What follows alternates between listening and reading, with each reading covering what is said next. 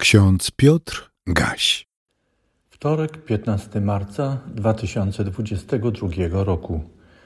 W drugiej Księdze Królewskiej, w 20 rozdziale, 5 wersecie czytamy: Tak mówi Pan, Bóg Dawida, Twojego praojca.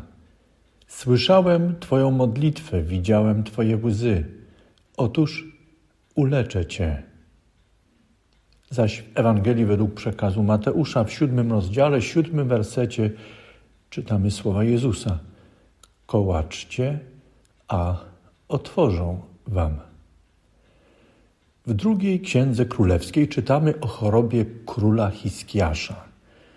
Nie wiemy, jaka to była choroba i kto go leczył.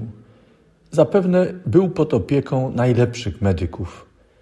Izajasz, prorok Pana, raczej nie studiował medycyny, natomiast wiemy, że przypadło mu trudne zadanie. W imieniu Pana miał przekazać Hiskiaszowi wiadomość o jego bliskiej śmierci.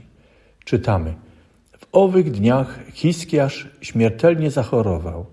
Wtedy przyszedł do niego prorok Izajasz, syn Amosa, i rzekł do niego: Tak mówi Pan, uporządkuj swój dom gdyż umrzesz, a nie będziesz żył.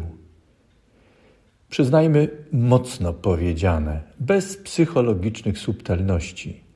Hiskiarz, jak czytamy, odwrócił się swoją twarzą do ściany i modlił się do Pana tymi słowy: Ach, Panie, wspomnij, proszę, że postępowałem wobec Ciebie wiernie i szczerze i czyniłem to, co dobre w Twoich oczach.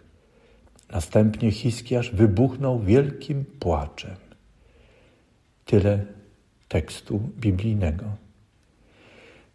Kiedy ktoś umiera w naszym otoczeniu, zastanawiamy się, jakie umieranie jest lepsze, skoro musimy umierać. Czy to nagłe, całkowicie niespodziewane, kiedy nie ma czasu na pożegnanie najbliższych i na uporządkowanie spraw? A może jak w przypadku Hiskiasza, łatwiej odejść, kiedy wiadomo, że umieranie to nieodległa przyszłość, więc pora na porządkowanie spraw, by nie obciążać innych swoim własnym bałaganem. Myślę, że biblijne podpowiedzi skłaniają nas do radowania się życiem, przede wszystkim do radowania się życiem, któremu nie jest obca roztropność, pełna miłości, czujność, by kiedy przyjdzie pora rozstania i odejścia do Pana, nikt nie rozstawał się bez pojednania, a powierzone miejsca nie pozostawiać w rozgardiaszu. Korzystamy z dobrych podpowiedzi, ale przyznajmy, że nigdy nie jesteśmy gotowi, żeby odejść. Komunikat o ciężkiej chorobie i zagrożeniu życia przekazany bez empatii poraża nas. W takich chwilach pojawia się coś z zachowania w Hiskiasza. Odwracamy się do przysłowiowej ściany, żeby ukryć emocje na naszej twarzy.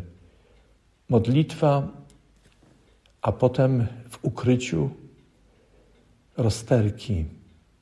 W niszy im temności eksplozja emocji, także płacz. To wszystko nie leczy, to prawda. Nie zmienia sytuacji, to też prawda. Ale czasem trochę, choć przez chwilę, pomaga. Jakże bardzo chcielibyśmy spotkać takiego Izajasza, który najpierw wygłosi komunikat o chorobie i z przysłowiowym wyrokiem śmierci, po czym oznajmi jak to było w przypadku Hiskiasza, tak mówi Pan, Bóg Dawida, Twojego praojca. Słyszałem Twoją modlitwę, widziałem Twoje łzy. Otóż uleczę Cię. Chcielibyśmy poznać tajemnicę skutecznej modlitwy.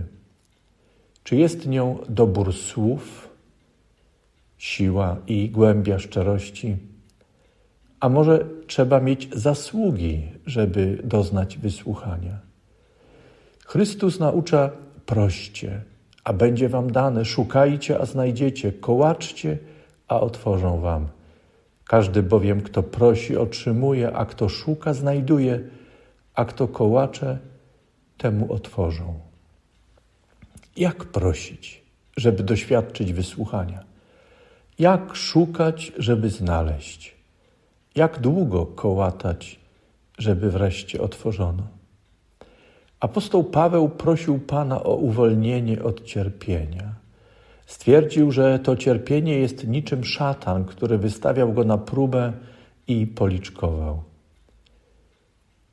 Apostoł w drugim liście do Koryntian napisał: W tej sprawie trzy razy prosiłem Pana, by on odstawił ode mnie.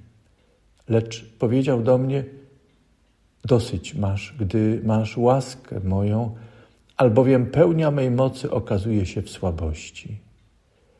Johann Albrecht Bengel, duchowny niemiecki luterański teolog, profesor teologii, żyjący w XVIII wieku, napisał: Bóg nie zawsze odsuwa cierpienie, ale pomaga przez nie przejść. Posłuchajmy, co Chrystus dalej, jak Chrystus dalej zachęcał do modlitwy. Czy jest między wami taki człowiek, który, gdy go syn będzie prosił o chleb, da mu kamień? Albo gdy go będzie prosił o rybę, da mu węża?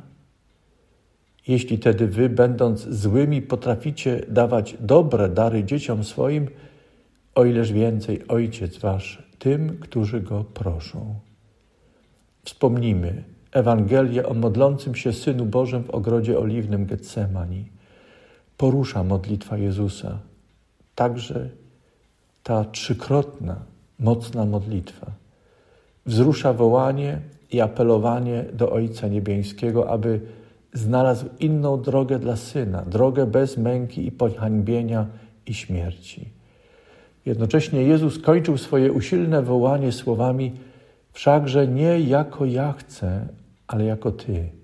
A potem dwukrotnie kończył swoje wołanie: Ojcze mój, jeśli nie może mnie ten kielich ominąć, żebym go pił, niech się stanie wola Twoja. Następnie, jak pamiętamy, Syn Boży z ufnością, posłuszny woli Ojca Niebieskiego, wstał i poszedł drogą, którą Ojciec go prowadził do zmartwychwstania, do życia, wywyższenia i chwały. Ojciec Niebiański trudną drogę ostatecznie zmienił w zwycięstwo. Modlitwa Syna została jednak wysłuchana. Syn Boży doznał uwolnienia od kielicha goryczy, otworzono mu wrota chwały. Ojciec Niebiański dał mu to, co dobre i przez niego dał też innym to, co dobre. Bogu niech będzie chwała. Amen. Więcej materiałów na www.trojca.waw.pl